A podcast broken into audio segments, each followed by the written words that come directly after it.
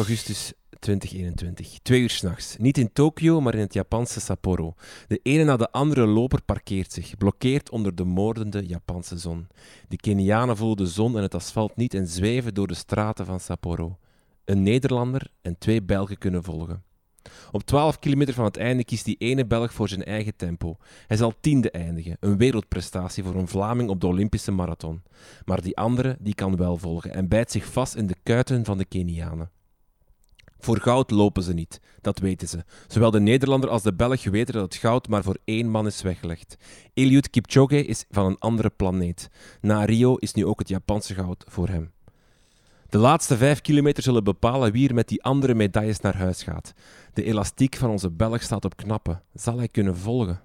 De laatste meters zullen het bepalen. Een sprint van de stervende zwanen om zilver en brons. Drie mannen voor twee plakken. De Nederlander zet aan. Hij is de beste, het zilver is voor hem. Maar dan, dat handje. De Nederlander maant de Belg aan, neemt hem bijna bij de hand vast. Volg mij, volg mij, schreeuwt hij.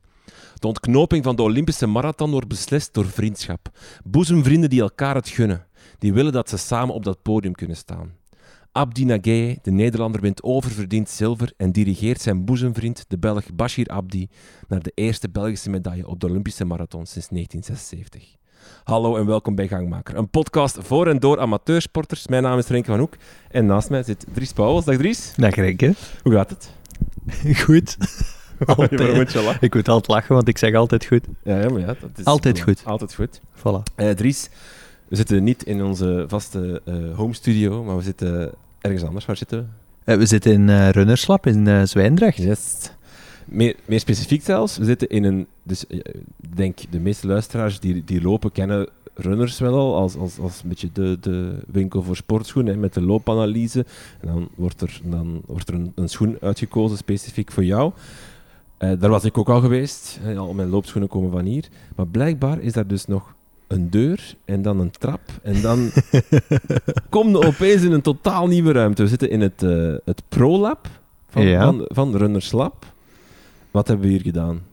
Eh, wel, we zijn... eh, Jij of, bent hier al eventjes. Ja, ik ben hier al een paar uur. Eh, eh, zijn, wij zijn eigenlijk ondergedompeld geweest in ehm, alles wat je kan leren over je eigen lichaam op basis van looptechniek, loopanalyse. Hoe loop je? Hoe, ziet u, hoe zit je lichaam in elkaar terwijl dat je loopt, terwijl dat je stapt?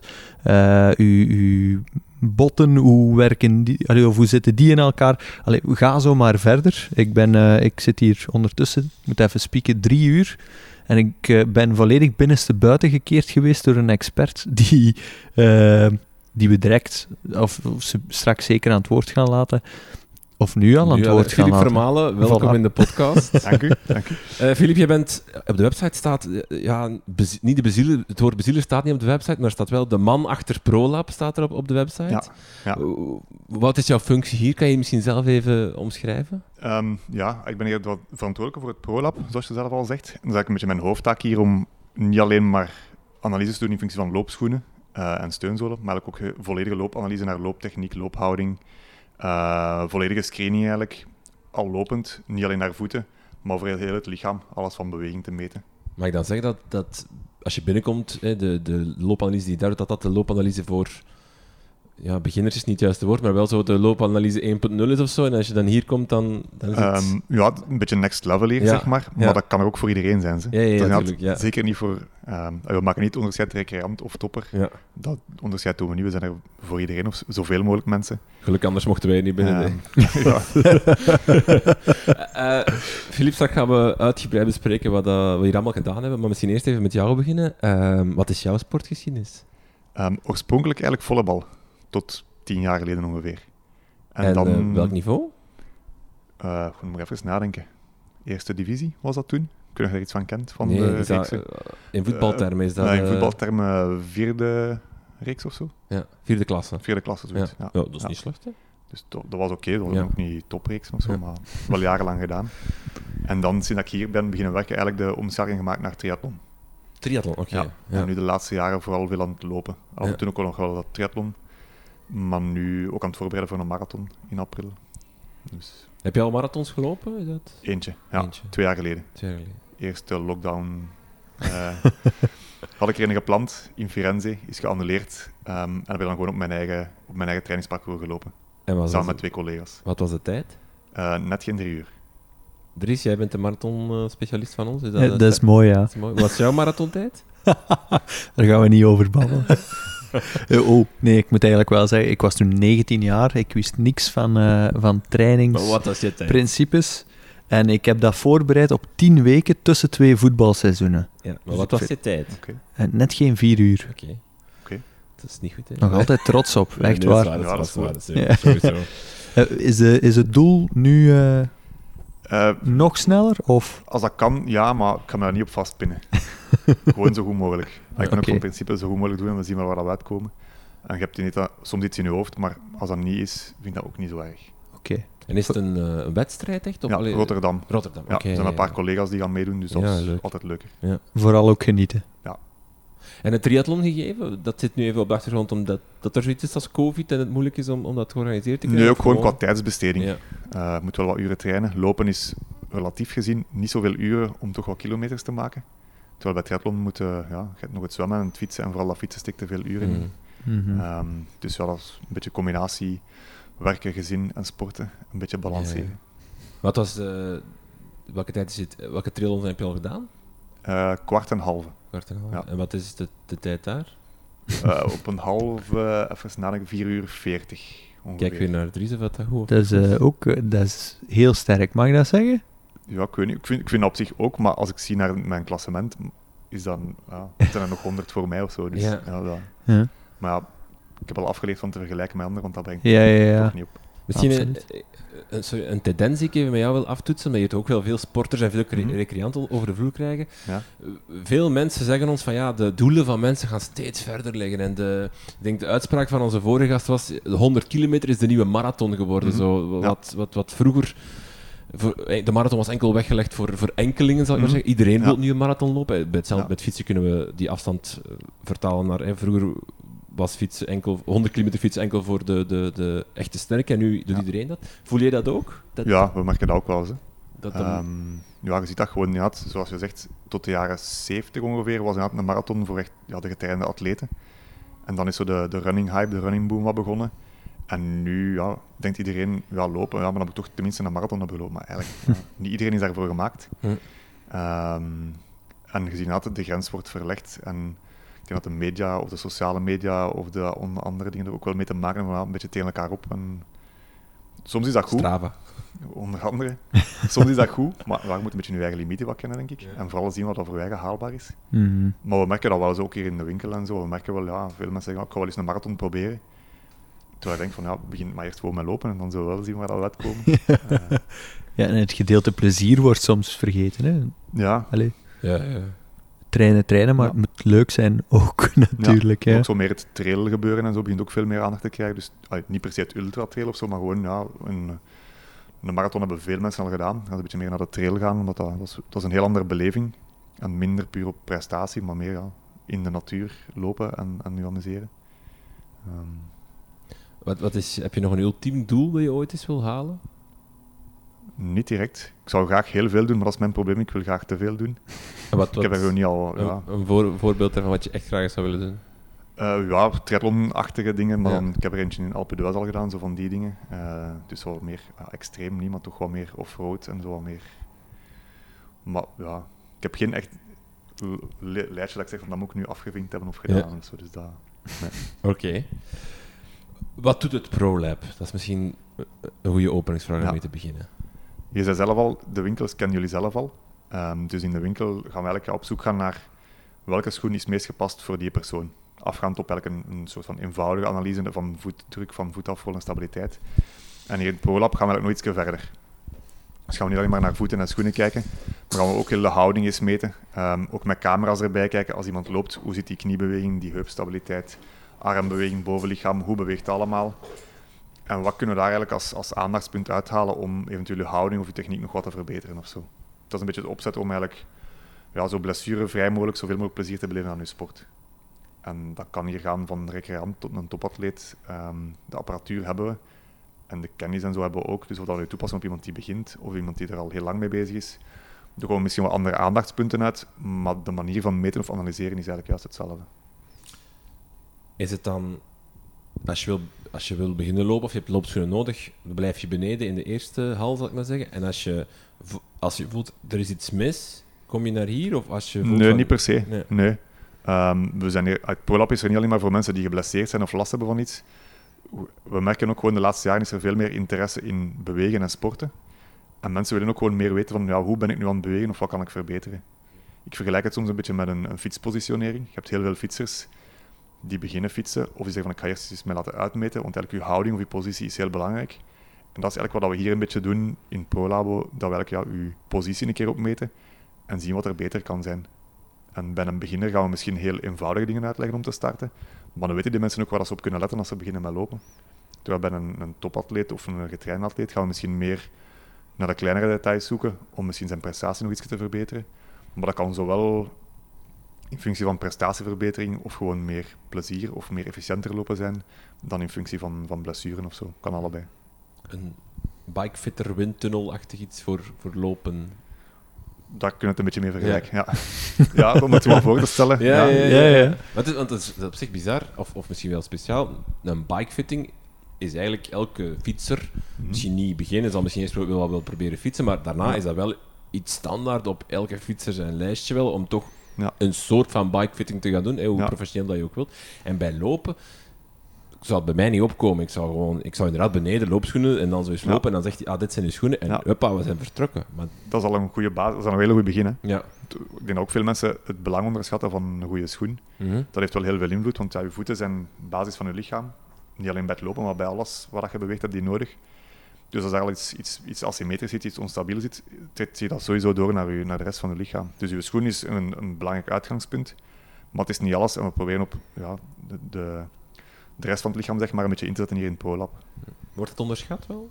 Ik denk dat wel. Ja. Ja. Ik denk dat ook veel mensen niet stilstaan bij het feit van, nou, ik ga gaan lopen, dus ja, iedereen kan dat. Iedereen kan dat, links en rechts goed achter elkaar, dat kan iedereen. Maar er zijn wel belangrijke aandachtspunten om wat op te letten. Ehm, voor de belasting van het lichaam, om dat onder controle te houden. Eh, Mo Farah is hier ook geweest, Ja, hebben we gelezen. ja. Wat, wat, wat komt zo'n topatleet hier dan nog doen? Komt hij dan echt ook voor die marginal gains kijken van... Ik, ga, ik kan niet beweren dat ik die heel beter heb laten lopen. Dat is zeker Ja, dat niet. moet het doen, dat moet het doen.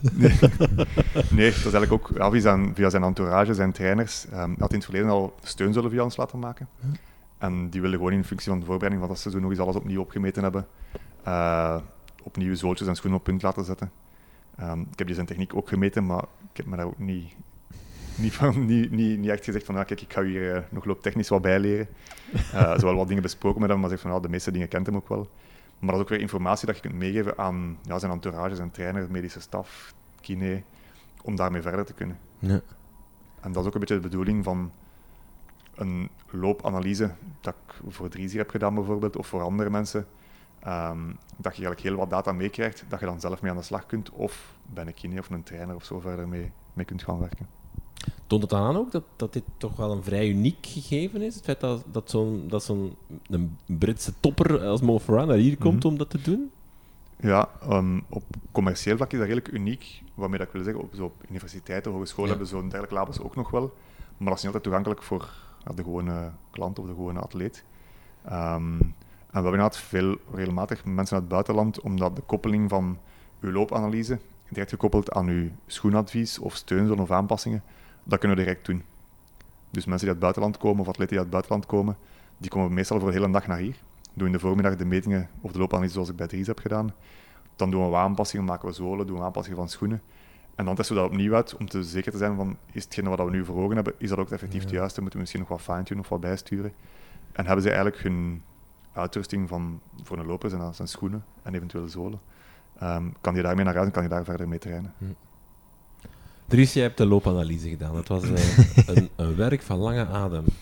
Eh, ja, Daar niet, dat, is, Maar- even echt zo, dat, is echt, dat duurt echt lang. Want ik ben Ja. hier twee uur na jou toegekomen. Ja. En toen waren jullie nog bezig Ja. eigenlijk. Ja. Dat is echt... Ja. eh, Dus we- daar kruipt wat tijd in. Ehm, maar we proberen het ook wel uit te leggen aan de Ja. mensen die hier komen. Want ik, op zich zou ik kunnen meten en zeggen van ik stuur achteraf wel alles op. Maar ik heb ook liever dat je het begrijpt of dat je weet waar je aan kunt werken en dat we dat effectief op het moment zelf uitleggen. Ja. Dus dat, die tijd proberen we wel te pakken.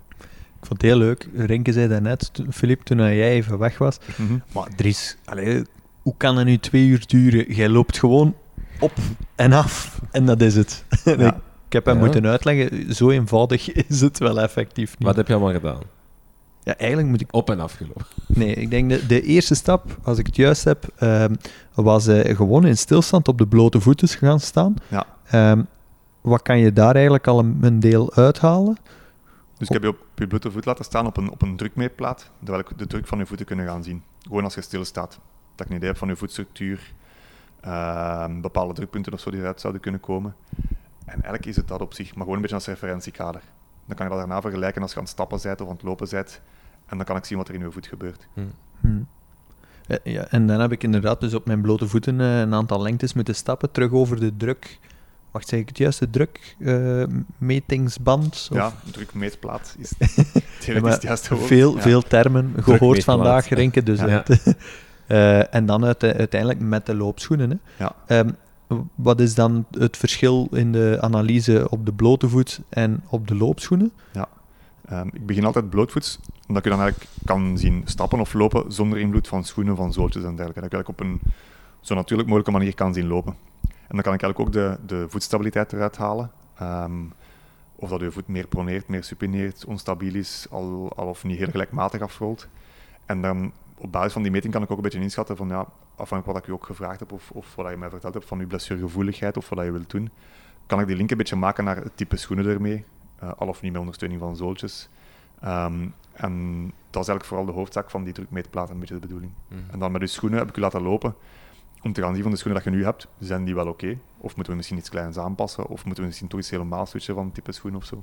Mhm. Ehm, Ja, want er, allee, ik denk niet dat het persoonlijk bij mij iets was, maar er is een duidelijk verschil tussen, ja, als je op de blote voeten loopt, dan land ik op de voorvoet eerder, met schoenen op de hiel. Ja. Ehm, komt dat, hoe komt dat, dat, dat, dat dat verschil zich zo hard aanpast? Dat is iets dat we bij veel mensen wel zien. Omdat als je hier op je blote voeten in het labo loopt, dat is relatief hard van aanvoelen. Als je op je hiel gaat landen, ja, voelt dat hard aan, krijg je heel veel schokken. Dus onbewust, en je denkt daar ook niet bij na, denk ik, ehm, ga je meer naar die voorvoet gaan om eigenlijk wel zachter te kunnen landen. Ik veronderstel ook niet dat je hebt nagedacht als je aan het lopen was op je blote voeten, van ga nu eens meer voorvoet of, of hiel landen. Terwijl als je met je schoenen loopt, heb je veel meer comfort van die schoen. En laat je lichaam ook toe om op die hiel te gaan landen, omdat je schokken meer door die schoen worden opgevangen. En bij de ene persoon gaat hij op zijn blote voeten wel op zijn hiel landen, bij de andere niet. En dat kan soms helemaal anders zijn op blote voeten als met een schoen. Dat, dat zien we vaak. Mhm. Ehm, we hebben hier de beelden rechts van mij van Dries. Ja. Binnenkort op onze socials hopen we. Eh, nee, nee, nee, maar... ehm, indrukwekkend, Wat Renke? opvalt is, eh, je zou denken, het gaat hier over voeten, het gaat hier over, eh, de, die, of over schoenen, zou ik maar zeggen. Mhm. Maar Dries heeft eh, niet veel kleren aan. Nee. Eh, enkel een, ja, toch wel straks shortje, mogen we zeggen. Dries, daar zullen we het ook Eh, eh. later in de podcast wel eens over hebben. Nee, dat was de bedoeling, Renke. Ja, maar dus dat- om te, te komen, ook zijn, zijn bovenlijf is ontbloot. Ja. En ik, en ik, ik was hier dus, toen jullie de analyse aan en je, je trok ook heel veel strepen of, of lijnen. Ja. eh, rond bijvoorbeeld schouders. hè. Je hebt, we hebben gewoon gezien dat jouw linkerschouder Ja. iets meer doorzakt dan jouw rechter. Eh, ja. Dus de analyse gaat verder dan enkel de voeten. Dat is het grote verschil wat we kunnen doen hier met de winkel ook, dat we Ja. hier echt niet alleen voeten, maar ook gewoon heel je loophouding kunnen bekijken. Ja. En er komen vaak wel ja, aandachtspunten of zwakke punten of sterke punten uit, die je dan weer kunt meenemen in je trainingen. Ja. Ehm, en waarom in een bloot bovenlijf? Omdat ja, als je een t-shirt of een trui hebt, dan zie je niet alle bewegingen perfect. Mhm. Dus daarom nog ook vragen aan iedereen die hier loopt, om dat liefst in een bloot bovenlijf te doen. Ehm, of heel nauw aansluitende kledij, dat we toch de beweging zo goed mogelijk kunnen zien van het lichaam zelf. Hm. Wat ik heel leuk vind, vooral al, trouwens aan, aan alle resultaten, ik, ben, ik ben hier binnengestapt zonder dat ik 100% wist wat dat er ging komen. En ik denk dat dat handig is, omdat, omdat ook voor deze podcast, dat zorgt ervoor eh, dat mensen die daar echt niks over weten, toch een, een goed idee krijgen van wat het is. Ehm, wat ik heel leuk vind, is, je krijgt daarom niet hier 100% het advies, maar je krijgt hier wel een heel mooi verslag van jezelf, waar dat je terecht kan bij experten. Eh, Ja. Terwijl... Data die je krijgt, om, eh, wat Voilà. voilà. mensen, data Ja. die je krijgt om mee aan de slag te gaan. Ja. Ja, Ja, en dat is ook een bemerking of een vraag die we vaak krijgen van nou, waarom gaat het niet verder ermee? Maar ja, Ja. we zijn de basis van Runnerslab is de loopschoenenwinkel. En het labo is iets hoogtechnologisch erbij om enerzijds kennis dat we hier hebben ook mee naar de winkels te laten doorstromen. Ehm, maar anderzijds hebben we die apparatuur staan en kunnen we heel veel mee doen. Maar we zijn geen kinepraktijk, we zijn geen trainerspraktijk. En je hebt eigenlijk experten op dat vlak die volgens ons nog beter zijn dan wij dat doen, om met die data aan de slag te gaan. Mhm. Maar het is dus wel de bedoeling eigenlijk, of dat zou een goed idee zijn, bijvoorbeeld, eh, dat je met die data of met die analyses die jullie dan maken, dat je daarmee naar je kine stapt en zegt, kijk, hier valt wel op dat, ik mijn link, dat mijn linker schouder Mhm. doorzakt. Dat, is, Of, of dat, kunnen we daar iets aan doen of zo. Allee, dat zou het ideale zijn. Ja. Ah, we merken dat we de beste resultaten hebben als mensen inderdaad de informatie van hier ook nog meepakken en daar verder op werken met iemand extern. Ehm, want die kunnen, aan een kine kan bijvoorbeeld nog heel veel meer testen doen naar, ja, naar mobiliteit, naar sterkte. Ehm, dat kan ik ook niet doen hier. Ik zie wel de gevolgen daarvan. Dus ik heb wel een indicatie van, nou, kijk, daar moeten we misschien versterken. En ik geef wel wat aandachtspunten mee, of zo wat basisoefeningen van stabiliteit of techniek, dat ik zelf uit ervaring of van collega's wel een beetje weet. Ehm, maar ik ga bewust geen oefenschema van dag tot dag opstellen van je moet dat en dat en dat doen. Mhm. Ik zie de meeste mensen ook maar één keer, of om de zoveel jaar is. Terwijl als je oefenschema's meegeeft, of, of verwacht dat die gedaan worden, dan zou eigenlijk iemand regelmatig moeten controleren en zien dat, ze, dat die wel juist gedaan worden. Mhm. En daar trekken we bewust de grens een beetje. Ehm, ja, omdat er gewoon experten op dat vlak beter zijn daarin. Mhm. En wij zijn goed, als ik dat zo mag zeggen, ehm, in de schoenen en de zolen en alles. En we kunnen heel gedetailleerd opmeten en analyseren, maar daar trekken we bewust de grens een beetje. Zijn er vaak voorkomende problemen? Ik Zijn- ook zijn- vragen. nee, Nee, ik, ik- wou, ik wou zeggen, een bikefit, ik denk, als je dan een bikefitter vraagt, die zal ook zeggen, ja, Ja. 80% van de mensen die binnenkomen, die een stuurpen is te lang, of die, Voilà. hebben een, Ja. of die een zadel staat te hoog. Allee, hebben, Mhm. zo, hebben jullie dat eh, inderdaad, wat dat Dries vraagt? Ja, zeker. Ja. In, in het algemeen heel veel stabiliteit ook. Mensen die gaan lopen of die beginnen trainen voor iets, zeggen van nou, ik ga veel kilometers doen en gaan lopen en zo. Maar onderschat dan een beetje de impact ervan op je lichaam. Als je meer en meer kilometers gaat maken, maakt niet uit of dat nu de eerste keer je 5 kilometer is, of een 10, of een marathon of meer. Je moet je lichaam of je carrosserie zeg maar, sterker maken. Dat doe je door extra oefeningen. Dat doe je niet alleen maar met kilometers te maken en te doen. Dat is goed. Maar je hebt nog veel extra dingen die, die veel belangrijker zijn. Zowel voor een loper als voor een fietser kan dat even goed belangrijk zijn. Kan je het begrip stabiliteit even voor mij ehm, ehm, uitleggen, hoe dat je dat bijvoorbeeld ziet op, op, op, op het scherm? Als je, allee, als we zien Dries hier nu lopen, Ja, hoe zie je dan, hij is niet stabiel, is het dan doordat zijn lichaam ja, wankelt dat, zoals hij loopt? ja, dat je heel veel beweging ziet naar de ene kant of naar de andere kant. Bijvoorbeeld als je bovenlichaam te veel van links naar rechts kantelt, ehm, je heup die wel zou kunnen doorzakken als ze steunt, ehm, lichaam dat heel veel doorzakt tijdens steunfase. En dat zijn zo indicaties dat inderdaad qua stabiliteit nog veel kan verbeteren. Ja, of juist trok je ook een lijn van zijn knie om te kijken van hoe, hoe blijft die knie Ja. staan als bij de impact. Dat is, dat bijvoorbeeld ook een voorbeeld van als je knie Ja. naar buiten of naar binnen zou gaan, dan ben je ook niet stabiel op dat, op dat vlak dan. Ja. Want je kan Ja, want je kniestabiliteit hangt vaak samen met je heup- of je bekkenstabiliteit. Ehm, en bij sommige mensen die die knie heel veel naar binnen of heel veel naar buiten gaan, en dat kan gewoon extra belasting geven. Niet alleen de knie, maar ook soms gewoon naar de heup of naar de enkel toe. Ehm, dus vandaar, ehm, hoe moet ik zeggen, we gaan niet proberen iedereen perfect te laten lopen, maar toch een beetje binnen bepaalde grenzen eh, gaan kijken naar stabiliteit of naar beweging. Ehm, en dat is ook heel persoonlijk. Ehm, ik denk dat, dat hangt er aan af hoe, belastbaar dat je lichaam is. Ik kan dat niet meten op zo ene keer. Maar de ene persoon die kan beginnen lopen en zonder problemen direct naar 5, naar 10, naar 20 kilometer opbouwen. De andere persoon die gaat bijvoorbeeld twee of drie keer een start-to-run volgen en altijd geblesseerd raken. Dat hangt ook af van hoe belastbaar dat het lichaam zelf is. En dat is, dat is heel persoonlijk. En we proberen eigenlijk hier zoveel mogelijk te streven of, of aandachtspunten te geven om naar symmetrie te gaan. Omdat hoe symmetrisch dat je je lichaam belast, hoe minder kans op overbelasting. Daar gaan we vanuit. Ja, want als je 70-30 doet op links en rechts bijvoorbeeld, ja. dan is de kans reëel dat, dat Ja. die 70% kans Mhm. overbelast zal geraken. Mhm. Ja. Ja, want ik vind het ook interessant bijvoorbeeld dat ehm, het is niet dat jullie willen rechttrekken alles wat dan niet symmetrisch is. Bijvoorbeeld mijn linkse schouder, maar we hebben dan ook ontdekt dat bijvoorbeeld mijn ruggenwervel niet mooi eh, recht loopt. Mhm. Ehm, dat valt mij wel op. Dat je, er, zijn, er zijn veel experten, ik zal maar een voorbeeld geven, waar dat ik naartoe zou gaan en die zouden zeggen, oei, je schouder is lager, dus we gaan, we gaan dat en dat gaan trainen. Terwijl dat je hier in een scan gewoon heel eenvoudig ziet dat mijn gestel gewoon logischerwijs eigenlijk niet, niet symmetrisch Ja. in elkaar zit. ja, dus dat is eigenlijk een aanvullende scan dat we gedaan hebben. Ik heb je nog heel laten lopen. Ja, ik heb ook dat is waar, ja. Ik even naar een andere scan. Dus ik heb je ook in stilstand op je blote voeten, je, je blote rug en je bekken eigenlijk gemeten. Om te gaan zien als je stilstaat, hoe scheef, hoe recht staat je van je bekken en je rug. En we doen meestal, zeker als we een volledige loopanalyse doen, doe ik die scans erbij, omdat ik dan een beetje weet van, als je gewoon stilstaat, sta je misschien al niet perfect recht. Mhm. En als je een bepaalde beweging ziet, kunnen die koppeling wel wat maken. Moest ik die scan nu niet gedaan hebben, zou ik inderdaad misschien meer gaan zeggen van, ja, hou je toch wat rechter, of, of werkt meer op je stabiliteit. Terwijl ik nu een beetje meer weet van, ja, het komt eigenlijk vanuit je rug voort, dat je die, die onstabiliteit of die asymmetrie daar hebt. Mhm. Ehm, dus hoe meer dat je weet hoe dat je in elkaar zit, hoe beter dat je daarop kunt inspelen. Is dat de... allee, eh, omdat we hebben het hier heel veel over stabiliteit en instabiliteit. Is dat de reden waarom dat er zo hard gefocust wordt op core de Ja. laatste tijd? Zeker, ja. Er wordt, wordt meer en meer aandacht aan besteed.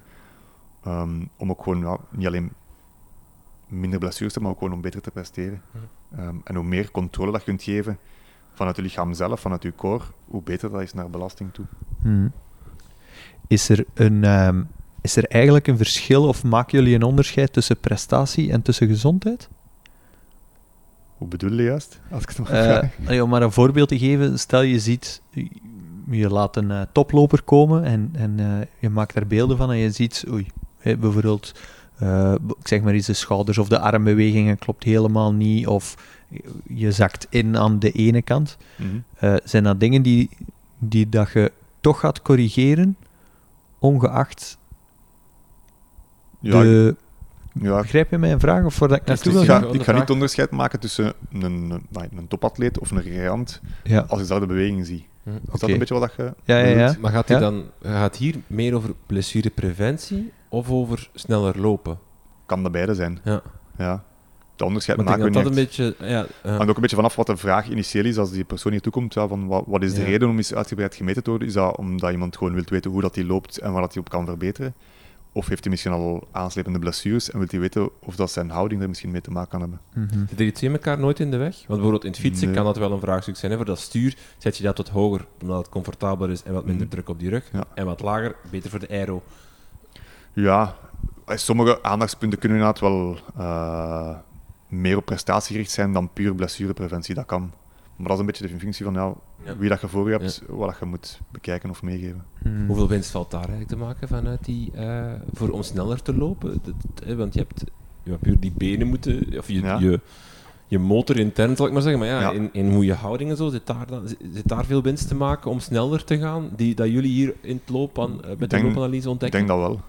Zoals, Ehm, wat dat zijn zo dingen die, die vaak naar voren komen van ja, als je dat zou doen, dan ga je zo Ehm, beetje ja, sneller gaan? proberen vooral de, de extreme asymmetrie of de extreme onbalans, om die er zoveel mogelijk uit te halen. Want hoe meer onbalans dat je hebt, hoe meer energie dat je ook moet steken om die te compenseren.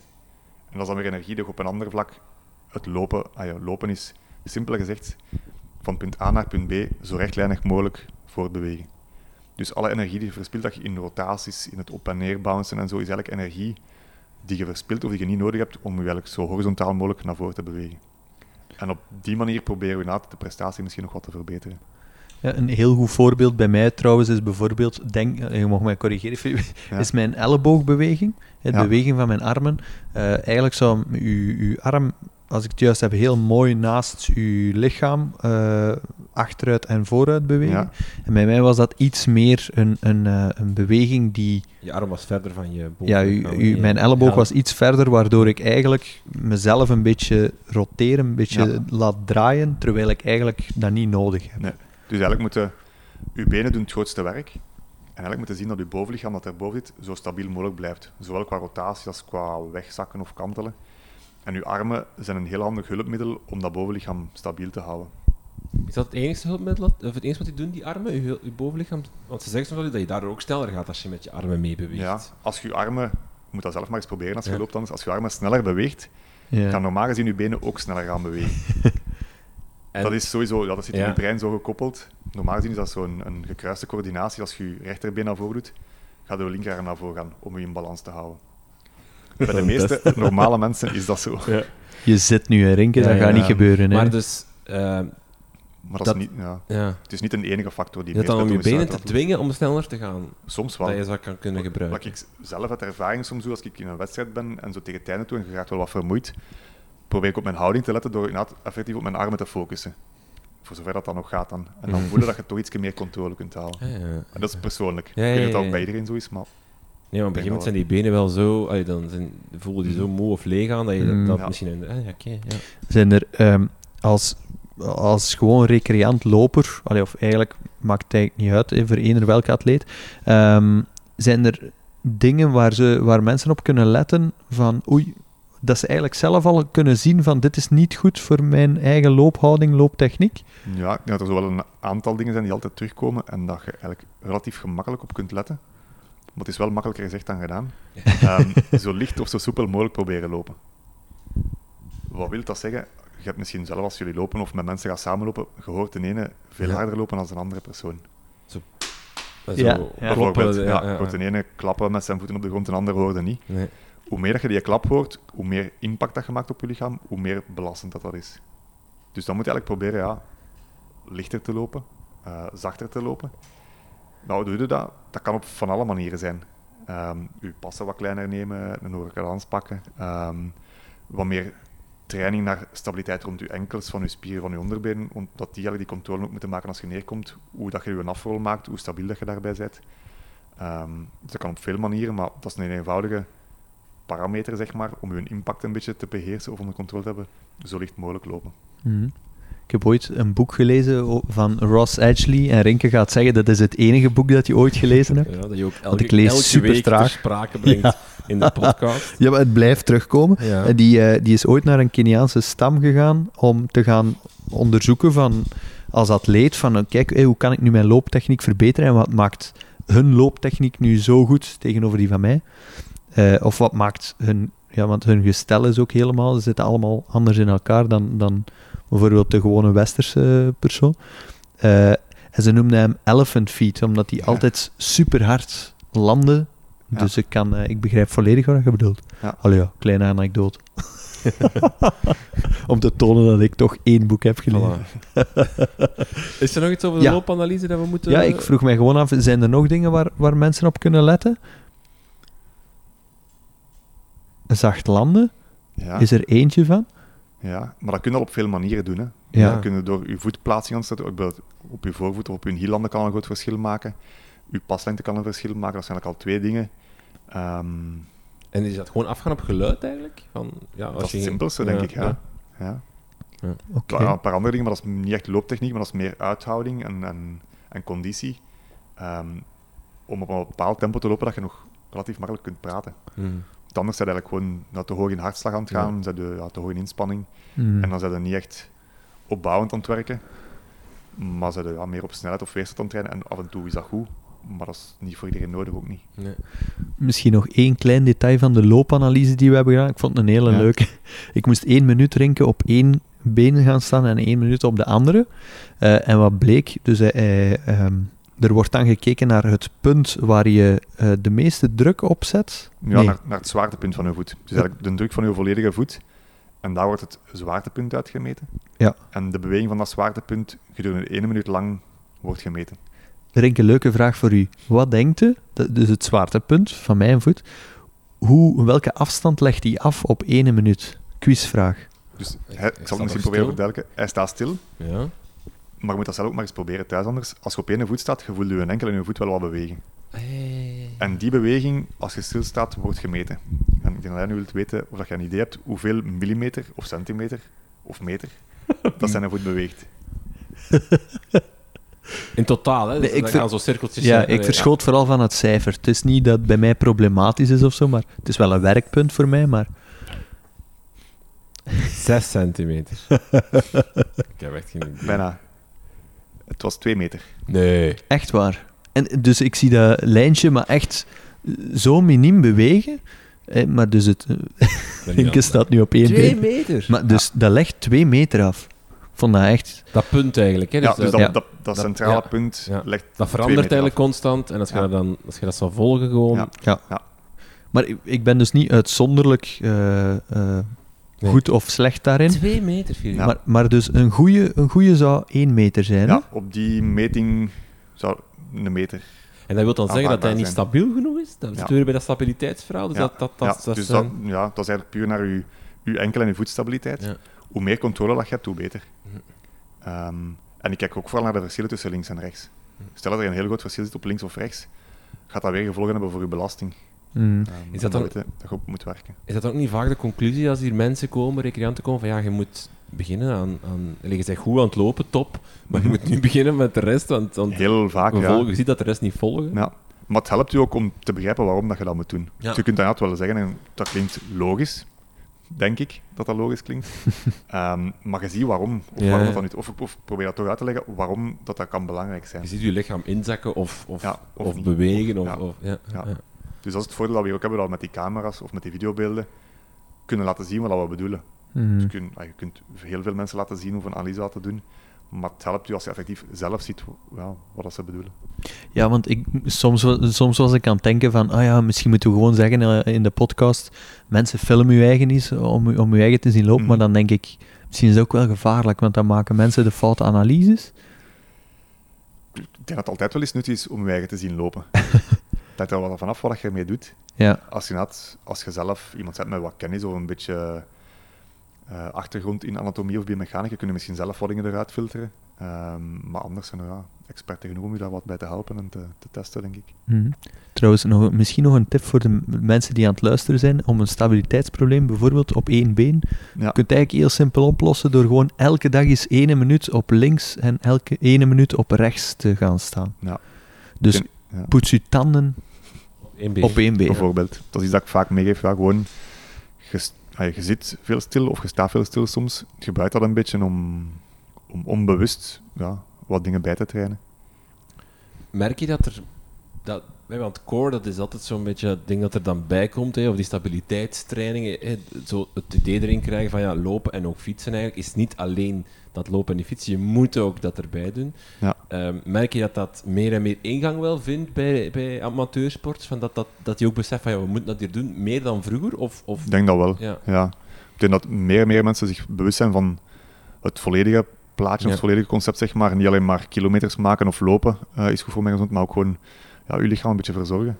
Ehm, Mm. Dat is een beetje, en dat klinkt nu misschien zo heel belerend of zo, van ja, Nee, heel, ehm, veel, voor ons werk zitten we heel veel stil, zitten Ja. we veel in de auto of zo, dus ja, je beweegt gewoon veel minder. Mhm. En dat hebben we de voorbije twee jaar ook niet beter aan gedaan, eh, met de lockdowns en dergelijke. Merk je dat Ehm. dan wel, nog een keer? Dat, dat, dat, dat, dat doordat eh, ik denk de beroepen in Vlaanderen, of wereldwijd misschien gewoon meer zittend zijn geworden tegenover pakweg 20, 10, 30 jaar geleden of zo? Dat, je, dat, je- dat is misschien Persoonlijk zelf niet, maar als ik dat zo wel lees of zo wat Ja. hoor, dan, dan merk ik dat wel. Ja. Inderdaad, dat mensen gewoon van nature uit meer bewogen door de omstandigheden. En dat je Ja. nu de omstandigheden gewoon veel meer zit Ja. en veel meer Mm. stil zit. Ja. De core van de jager-verzamelaar, dat moet ongelooflijk geweest zijn. Hè?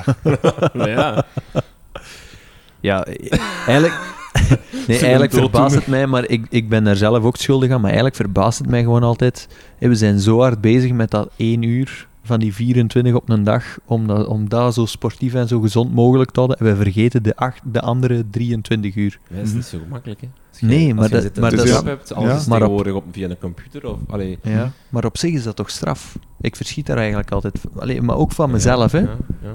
Eén uur ben ik vol bezig en ik, en ik bereken hoeveel dat ik moet eten tijdens het lopen enzovoort. En dan de alle, alle andere uren vergeet ik. Ja, het zijn soms ook simpele dingen om, om het te verbeteren. Hè. Ehm, het is klassieke principe van de trap pakken in plaats van de lift Hm. is er maar één van. Ja.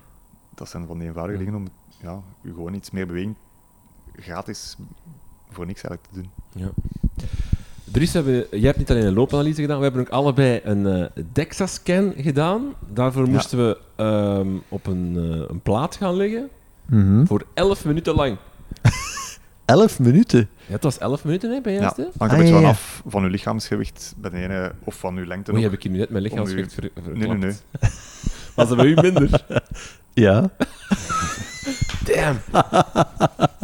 Nee, nee, nee. Maar het, het school... Ah ja, maar met been... eh, nee. Niet met... Nee, ik- Met We zijn hier eh, helemaal ontspoord. Nee, Ja. Filip, een DEXA-scan, wat Ja. is dat? Ehm, een DEXA-scan is eigenlijk een scanner die via een heel beperkte dosis straling uw weefsels van uw lichaam gaat meten. Dus de weefsels zoals uw bot, uw botdensiteit, uw spiermassa, uw vetmassa, uw vetpercentage. Dus dan weet je eigenlijk heel accuraat uw lichaamssamenstelling, eh, hoe dat die eraan toe is. Een doorlichting van je, van je lichaam. Niet Oké. op vlak van blessures of toestand van uw gewrichten Nee. of kraakbeen, dat kunnen we daar niet mee meten. Eh, bijvoorbeeld eh, het vetpercentage kun je daarmee meten. Ja, Ja. dat is hetgeen waar dat iedereen altijd mee bezig Ja. is. Hè? Dat is toch waar, hè? Allee, Het wordt heel veel omgedaan. Misschien te veel soms. ja. Ehm, Wat, hoe, wat moet ik... eh, Ik weet het nu ook, mijn percentage. Ja. Eh, wat, moet, wat kan ik daar nu mee... Wat moet ik daar nu uithalen, vind jij?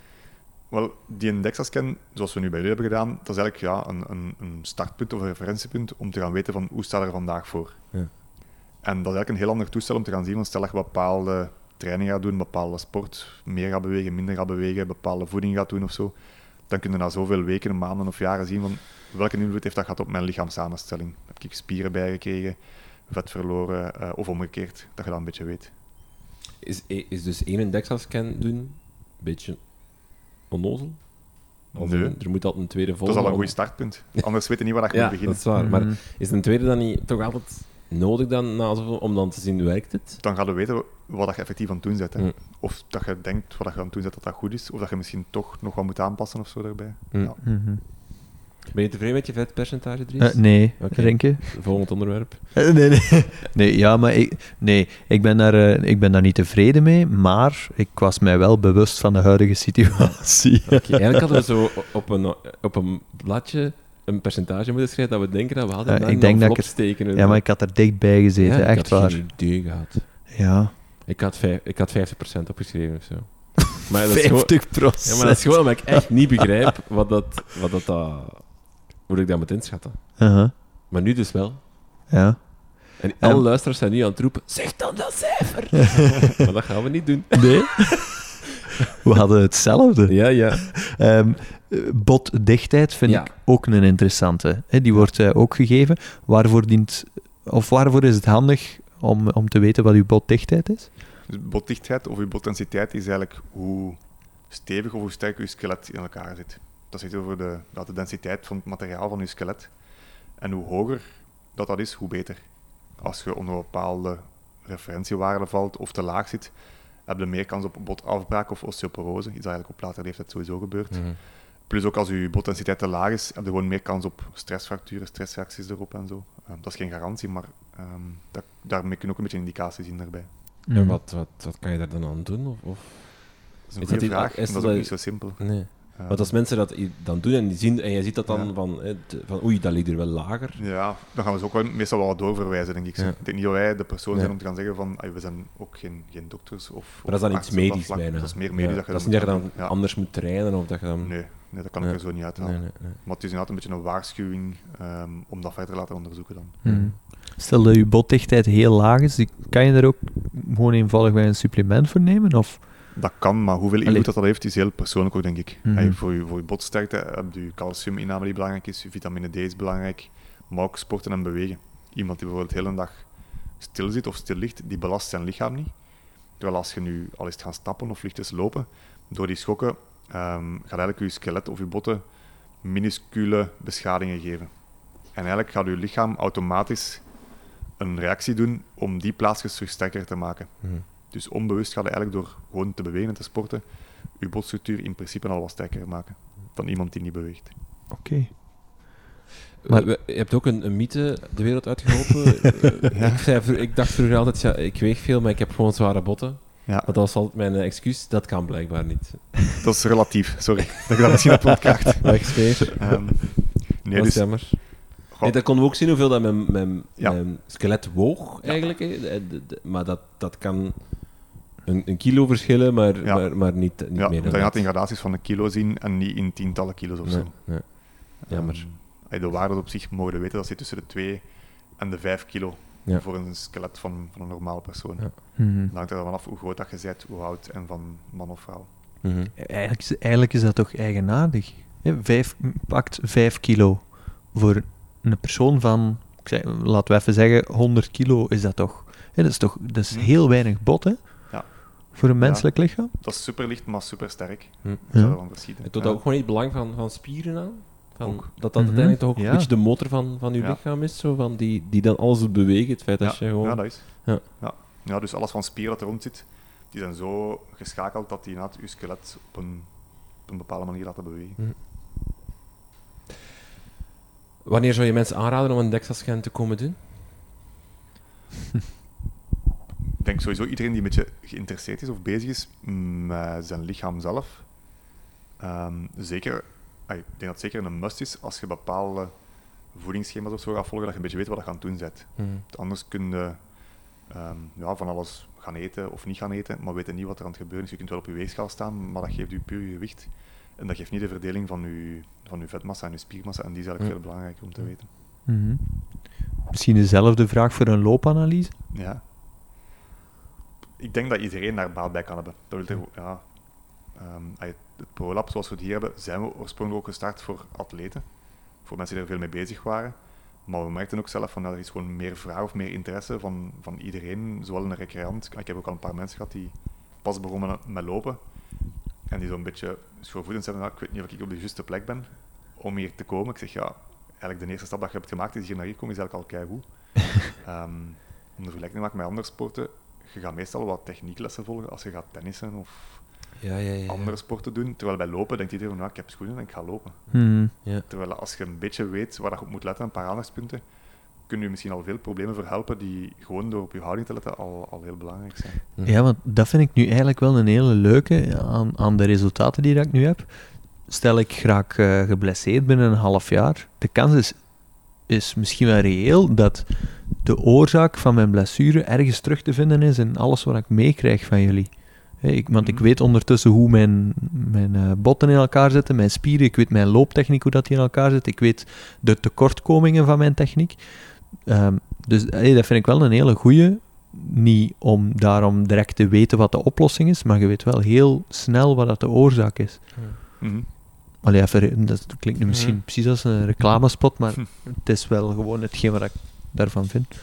Eh, het ProLab is voor iedereen. Hè. Dat denk dat dat is een boodschap is die we, Ja. die, allee, die we al meegegeven hebben, of die jij al Ja. gezegd hebt. Misschien, ik weet niet of dat, of dat maar om het even over geld te hebben, wat, wat Ja. kost het? Wat, is- wat ben je dat kwijt? Dat is een terecht en een goede vraag. Ehm, je gaf zelf in het begin ook al aan van ja, jullie waren al een paar uur bezig. We zijn ook, we bieden zo op verschillende pakketten aan in functie van wat je nodig hebt Mhm. of wat dat de vragenlijst is. En we zijn minstens een uur bezig en dat kan gaan tot een halve dag of, of, of iets langer hè, als dat nodig is. En de prijzen dat varieert tussen de 150 en de 350 euro. Mhm.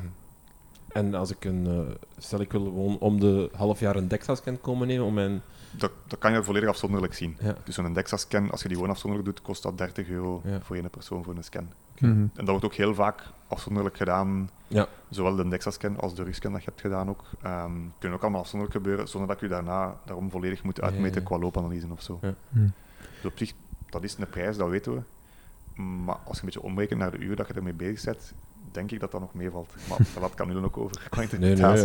van de mensen. Als je, ik zeg het, als we de vergelijking met een bikefit hebben we al een paar keer gedaan, maar ik denk als je die vergelijking doortrekt, dan zit je in dezelfde prijscategorieën vaak. Van, en Mhm. dat het ook wel een, een, een- vaak een, een tijdsbesteding is van een paar uur. Of een- eh, als je zo echt een goede bikefit laat doen, dan ben je Ja. hetzelfde ongeveer kwijt, denk ik. Dus, Ja. ja. Ja, ja, ja. En misschien ook nog interessant voor de mensen is dat, dat ten gevolge van een loopanalyse kan je eigenlijk ook wel een, eh, een specifieke zool laten maken door jullie. Dat kan. Ja. Oké. Dus als we, ah, we meten heel wat op van drukverdeling, van beweging van uw voeten, van uw lichaam. En dan kunnen we inderdaad gaan zien van, moet er een zool gemaakt worden, of als er door andere externe wordt aangeraden voor een zooltje te draaien in functie van, van blessures of zo, Mhm. kunnen we dat op basis van die metingen sowieso wel doen. We hebben daar alle info voor staan. Ja. Oké. Als er nog luisteraars met vragen zijn, waar kunnen ze terecht? Ehm, ja, ik wil dus mijn mailadres doorgeven of zo. Ofwel op de website. eh, Ja. Vinden ze alle info op de website van Runnerslab. Oké. Ehm staat alle info. Ja, we zetten het in de show notes eh, van, de, van podcast. Ja. Eh, dan kunnen mensen daar terecht. Dries, jij nog eh, vragen? Eh, nee, Alright. ik heb vooral heel veel antwoorden nu. Mooi. Mooi. Oh, kijk. Filip, heel veel dank om ons eh, te ontvangen, om ons te analyseren, om ons door te lichten en om ons eh, meer te vertellen over alle eh, dingen die hier in het ProLab gebeuren. Heel veel dank. Dat is heel graag gedaan. En eh Dries, jou ook weer bedankt om hier te zijn. En aan de luisteraars, bedankt voor het luisteren en tot de volgende.